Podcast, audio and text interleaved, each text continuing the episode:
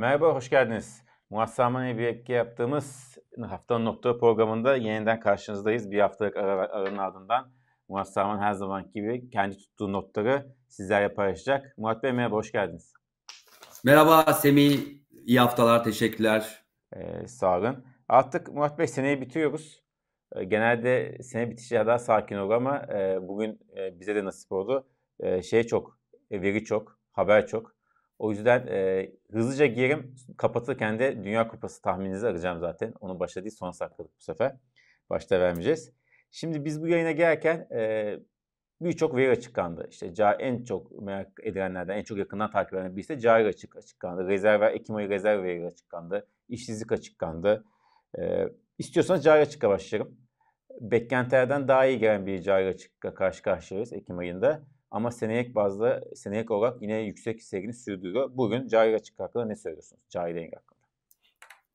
Evet, e, evet beklenenden daha iyi geldi ama tabii yıl sonu e, işte eksi 45 gibi herhalde e, açıklanacak işte eksi 43 gibi e, eksi 43 buçuk gibi işte iki ay kaldı e, işte Kasım e, ve Aralık kaldı şimdi.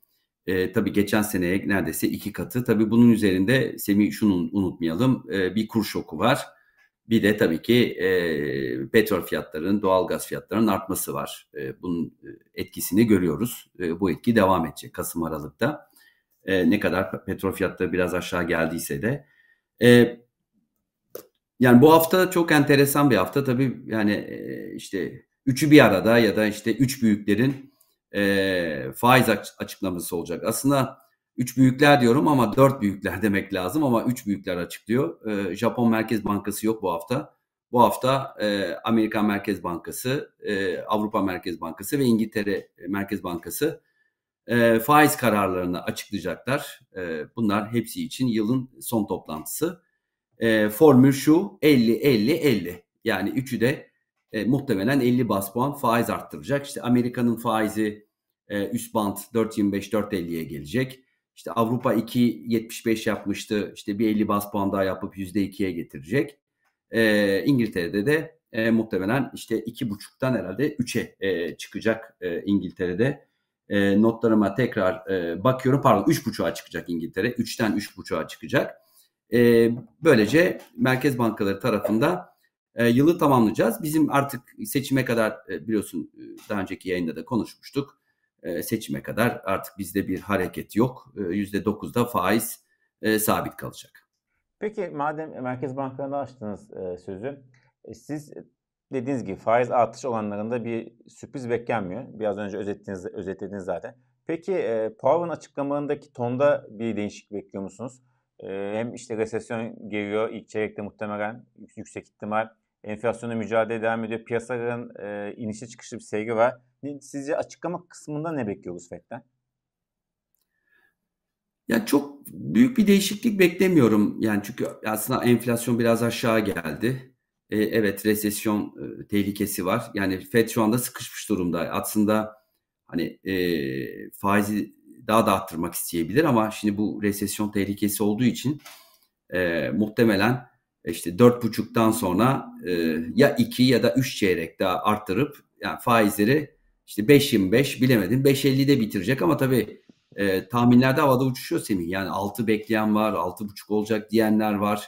E, ama şu anda piyasa fiyatlamasına bakarsan e, muhtemelen %5, 5.25 gibi e, ilk çeyrekte e, faizleri bitirir, e, artırımı bitirir diye. Mesela Goldman Sachs Mayıs'ta devam eder bir 25 bas puan daha yapar diyor. E, tabii burada enflasyon çok önemli bir e, rol oynayacak. Yani enflasyondaki düşüş e, kalıcı mı ya da geçici mi? E, bence e, Powell'ın bakacağı en önemli kriter olacak bundan sonra. E, bu kadar şeye geçelim istiyorsanız. Madem FED'de başladık en çok tabii piyasalar FED'i bekliyor. O yüzden piyasalara gidelim. E, şimdi önce ne, nereden başlayalım? Önce e, Duyduğu Beni Aşk Olsun olan borsadan başlayalım. Biz e, yayına başlarken %2.17 yukarıdaydı. 5114 seviyesi biz bu yayını yaptık. Rekor. Çünkü evet bugün. Rekor evet, mu? Ne, ne rekoru? TL bazında mı? Dolar ne? TL bazında rekor. Bugün yayını yaptığımız saatlerde muhtemelen rekorda kırılacak. Ee, yani gün içerisinde kırılabilir. İşte 5125 gibi bir tarih yüksek seviye vardı. Yani Semih daha önce konuştuk yani tabii burada çok yani yatırım tavsiyesi vermiyoruz ama yani haftalardır söylediğimiz borsada artık tek alternatif e, işte düşüşlerde e, bir kar satışı oluyor. Ondan sonra da başka bir alternatif kalmadığı için e, borsa yükselmeye devam ediyor. KKM'den biraz çıkışlar var onu görüyoruz. İşte dövizden biraz çıkışlar var onu görüyoruz. E, yatırım fonlarına giriş var Semih. Şimdi yatırım fonlarına giriş demek e, fon yöneticisi tabii hisse fonlarına giriş olduğu zaman fon yöneticisi gidip e, o yeni girişlerle hisse senedi almak zorunda kalıyor. Yani siz yatırım fonu aldığınızda diyelim ki bir hisse senedi yatırım fonu aldınız. E, fon e, bankanın ya da işte aracı kur işte portföy yönetim şirketinin önüne geliyor talep. O taleple gidiyor fon yöneticisi e, gidiyor piyasadan hisse senedi e, almak zorunda. Mesela bir dağılımı varsa o dağılımı e, aynı şekilde e, taklit ederek e, pozisyonlarını arttırıyor. Bu da e, hisse senedi fiyatlarını e, arttırıyor. Tabii şunu çok soruyorlar. Yani bu düşüş, yani bu yükseliş ne zaman bitecek? Yani nereye kadar sürebilir? Çok soruyorlar. E, daha gidecek yeri var mı? Yani ya bu sene herhalde öyle kapatırız. Yani bu senede bir sorun yok da gelecek sene biraz tabii Şubat, Mart hani orada biraz daha dikkat etmemiz gerekecek. Çünkü tam seçim havasına gireceğiz. Hani kurda bir şok ihtimali olabilir. Olacak demiyorum şu anda kontrol altında hala ama e, yani kolay bir kış beklemiyor bizleri. E, işte o zamanlar biraz işte endeks e, seviyesine de bakarak şu anda işte 5125'lerdeyiz. İşte ilk herhalde direnç 5200 5300 sabah şöyle bir baktım. Hani 3 sent var sonra yaklaşık 5500 gibi. E, oralara gitme ihtimali var. E, dediğim gibi e, alternatifi yok yani borsanın şu anda. Şimdi borsanın en büyük alternatifi hep faizdi. Yani risksiz getiri e, işte siz borsaya girerek ya da yatırım yaparak e, bunu ekstra getirisine alabiliyordunuz. Ama şu anda faizde de bir getiri kalmadığı için işte tahvillerde yok, KKM'de çok düş, düştü. Evet şimdi bankaların bir mevduat yarışı başlayabilir yıl sonu e, dolayısıyla ama hala borsanın altında kalma e, ihtimali var. E, ya bunu yıllardır bekliyorduk. Yani ben 30 yıldır sermaye piyasalarındayım. Türkiye'de hep hani bu hani borsada oynanmaz kitabında da çok yazdım.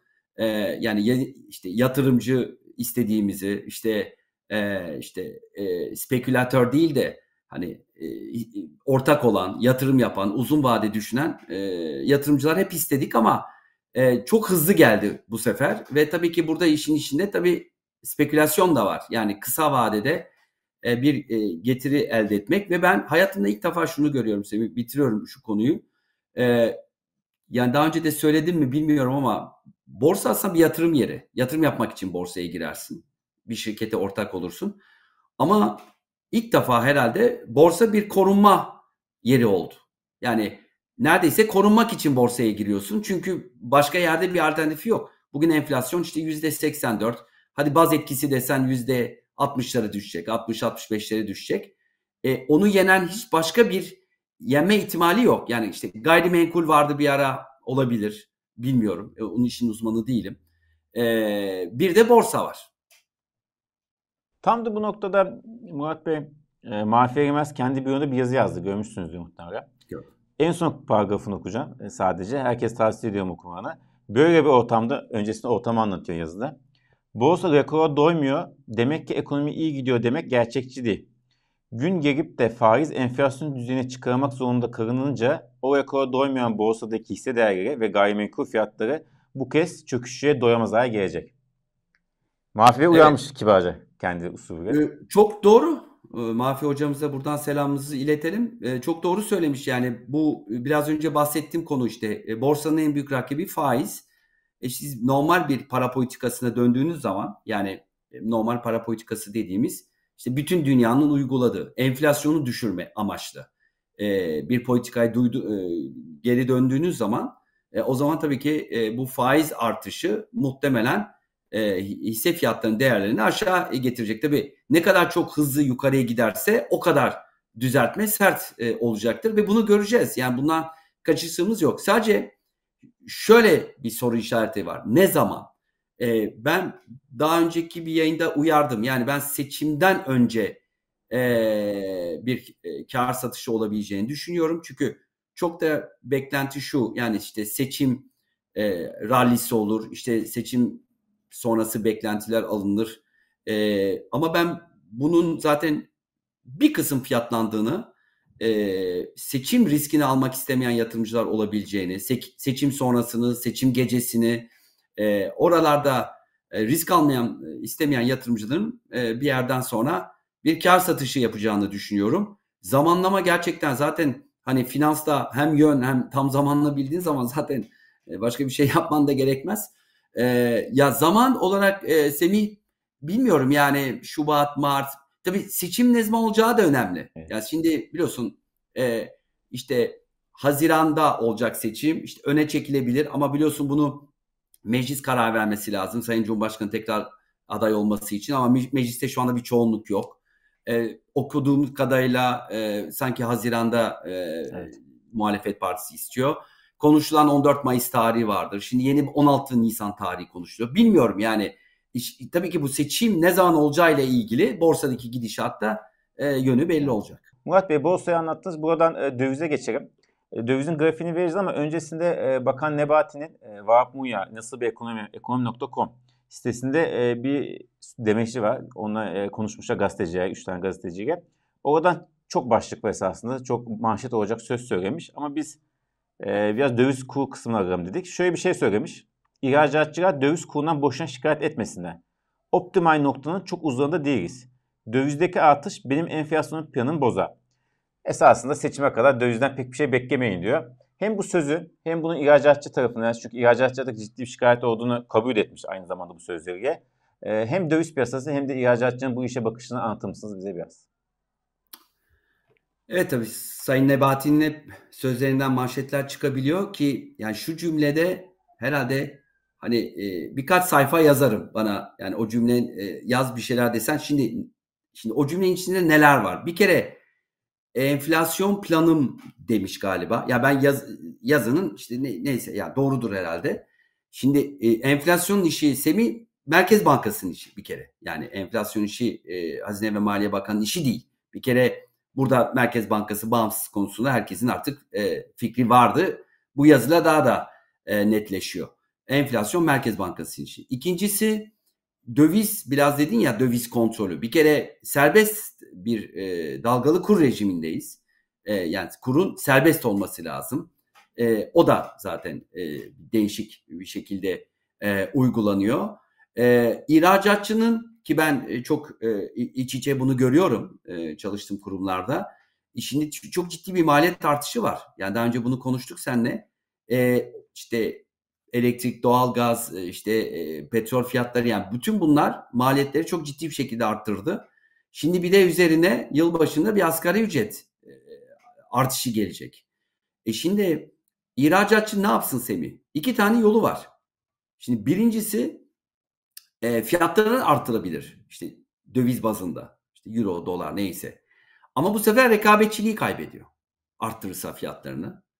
E, ya da yani fiyatlarını arttırmayıp ama bu sefer e, ciddi bir e, zarara uğruyor. Yani e, e, kar etme şeyi e, zorlaşıyor. Çünkü bir yerde maliyetleri artıyor ama o maliyetleri aslında yansıtmamış oluyor.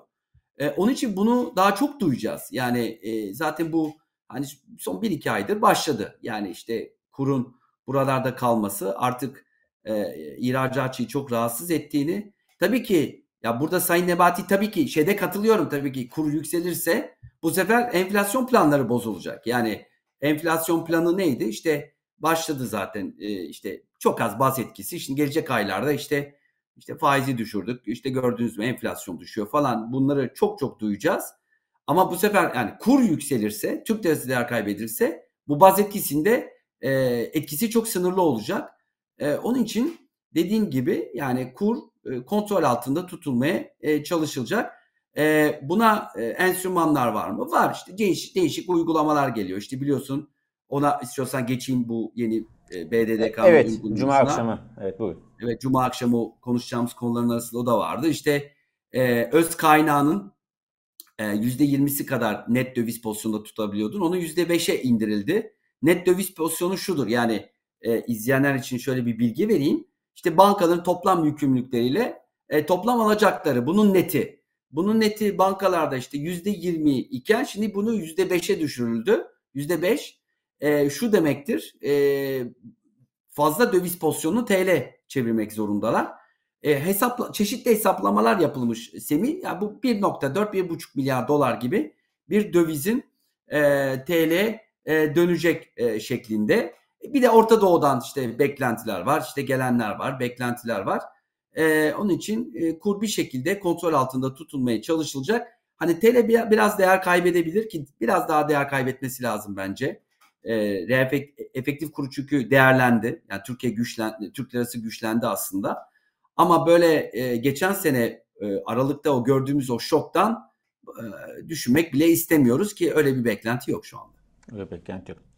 Peki e, buradan şeye geçelim. Neye geçelim? Resmi rezerveye geçelim. İş gücü açıklandı bugün. Çok şey değil gerçi. Eski, eski yani biraz da e, az merak eden bir veri. Çok önemli olmasına rağmen. 10.2, %10.2 oldu. Onu söyleyeyim. Resmi rezervede Ekim'de 5 milyar dolar arttı. İyi haber sanırım değil mi? İyi haber tabii rezervlerin artması her zaman iyi haber ama dediğim gibi bu e, rezervler tabii ki e, bir şekilde e, artması evet önemli ama ya şu anda tamamen düşünce seçime kadar yani e, bu kuru kontrol altında tutmak, faizi 9'da tutmak ve bu zaten yapıldı. E, bir de enflasyonu bir şekilde e, baz etkisiyle düşürmek ki bu da e, gerçekleşecek ama buradaki en büyük risk e, seçim harcamaları yüzünden yani e, seçim yatırımları işte e, parasal genişleme e, bunlar yüzünden tekrar e, enflasyonun yükselme tehlikesi ve enflasyondaki kırılganlığın e, arttırılması. Çünkü enflasyonu düşürmek için hala hiçbir şey yapılmıyor. Seçime kadar da yapılacağını da düşünmüyorum. Evet. Peki buradan ankete geçelim. Ee, geçen hafta yayın, geçen hafta yapmıştık bu anketi ee, ama geçen hafta yayın yapamadığımız için bu hafta size yöneltiyoruz. Şimdi biz konuşuyoruz işte döviz, e, döviz, borsa, işsizlik, cari açık. İzleyenlere sorduk. Ekonomide en yakın takip ettiğiniz başlık hangisi diye. Şimdi geliyor e, ekrana. Ücret zamları %10 ki çok gündemde. Yani en çok gündem konudan bir tanesi o. Enflasyon yani zamlar %49. %8 kredi ve mevduat faizleri. %26 döviz kurları. %8 de EYT. Bu e, izleyeceğin e, verdiği oran size ne söylüyor?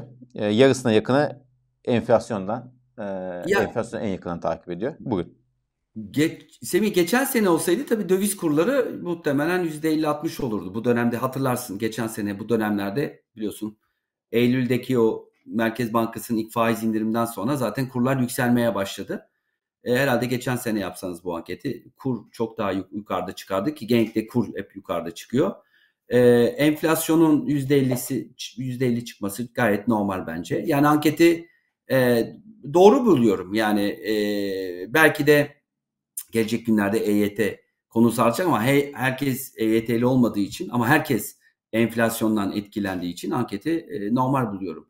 E, tabii kurların da e, işte böyle istikrarı olması tabii e, enflasyondan daha aşağıda olduğunu görüyoruz. Orada. Evet.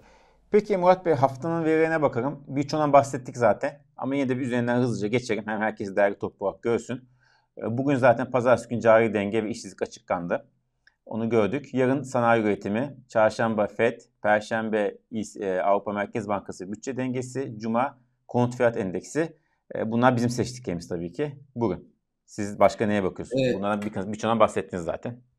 Evet yani tabii yani küresel anlamda bir merkez bankaları e, şey çok önemli olacak. Kararları çok önemli olacak. Yani faiz beklentileri aşağı yukarı belli ama dediğin biraz önce sen de sordun işte hani söylemlerde bir değişiklik olacak mı? E, bence e, o izlenecek. İçeride de artık e, tabii ki veriler hepsi e, önemli ama artık Bence bundan sonra e, yani Türkiye ekonomisini ilgilendiren en önemli konu seçim olacak. E, işte ekonomide sezon finale girdiğimizi söylemiştim. Artık e, seçim e, dönemine girmiş durumdayız. E, artık seçim havası var. İşte e, özellikle e, zor geçecek bir döneme giriyoruz. Zaten meclisteki e, şeylerden görüyoruz, e, tartışmalardan görüyoruz. Üzücü olaylar da olmaya başladı. E, umarım bir e, biraz daha ortam sakinleşir ama e, bir gerginlik var şu anda ve bu gerginlik artacak gibi gözüküyor. Bu da Türkiye ekonomisine yansıyabilir. Tam da onu soracaktım. Son bir senedir esasında ekonomi hatta bir buçuk senedir ekonomi siyasetin önündeydi. Ee, seçime kadar ne bekliyorsunuz? Yine böyle mi olur yoksa siyaset ekonomiye geçecek mi? Siyaset ekonomiyi geçerse mi? Yani şu çok çok tabii ki çok önemli bir seçim var burada. Hani işte 5 yıllık bir başkan seçiliyor ama bence bir 100 yıllık bir seçim gibi e, yani bir sistem seçimi olacak. E, bu bu çok önemli. Yani ya bu sistemde devam edecek ya da e, farklı bir sisteme geçilecek. E, onun için bence e, gelecek dönemlerde hani e, ne kadar bizim programımız tabii ekonomiyle, piyasalarla ilgili olsa da tabii siyasette çok konuşulacak. Biz tabii ki siyasi tarafı değerlendirmeyeceğiz ama siyasetin ekonomi e, etkilerini değerlendirmeye devam edeceğiz. Evet. Son olarak o zaman daha e, soft bir konuya kapatalım. Dünya Kupası tahmininizi ararım. Haftaya da tahmininizi tutup tutturmadığınızı konuşacağız pazartesi günü. Sizce dört takım kaldı. Sizce kupaya kim uzanacak? Önce final tahmininizi arayayım sonra kupa tahmininizi. Yani sen de biliyorsun Semih e, bunu bir de yazdım çizdim bir, bir iki yayında da söyledim. Ya ben kupanın başında benim iki favorim vardı. Fransa ve Arjantin. Hatta yani şey bilmeden hani ikisi de final oynar mı diye e, geçen günde Twitter'da da şey yaptım. Beklentim oydu diye. Ya Fransa ve Arjantin diyorum kupanın başından beri. E, ihtimaller yükseldi tabii dört takımdan ikisi de olduğu için. İkisinden biri kazanacak. Kim kazanacağını bilmiyorum ama e, Sizin gönlünüz biraz Fransa'dan yandı. Ya Fransa evet Fransa tabii e, des, Fransa'yı destekliyorum. İyi bir takımları var. E, tecrübeli bir takımları var. iyi oyuncuları var ama Arjantin'de biliyorsun Messi'nin son Dünya Kupası. E, ikisinin arasında geçer diye. Tabii çok enteresan bir şey de olabilir. Çok da futbola girmeden yani Fransa Hırvatistan final olursa da Dünya Kupası ilk defa iki takım e, üst üste e, final oynayacaklar. Bu da ilk, ilk defa olacak. Ona özellikle baktım. E, ama dediğim gibi e, güzel bir Dünya Kupası oluyor. En azından kafaları dağıtıyoruz bu dönemde. Evet. Çok teşekkür ederiz Murat Bey. Çok sağ olun. E, iyi bir hafta dileriz size. Çok teşekkür ederim. Kendinize çok Herkese iyi, iyi haftalar ve e, kış ayları yaklaşıyor. Sağlıklı günler öncelikle. Size de çok teşekkür ederiz. Görüşmek üzere.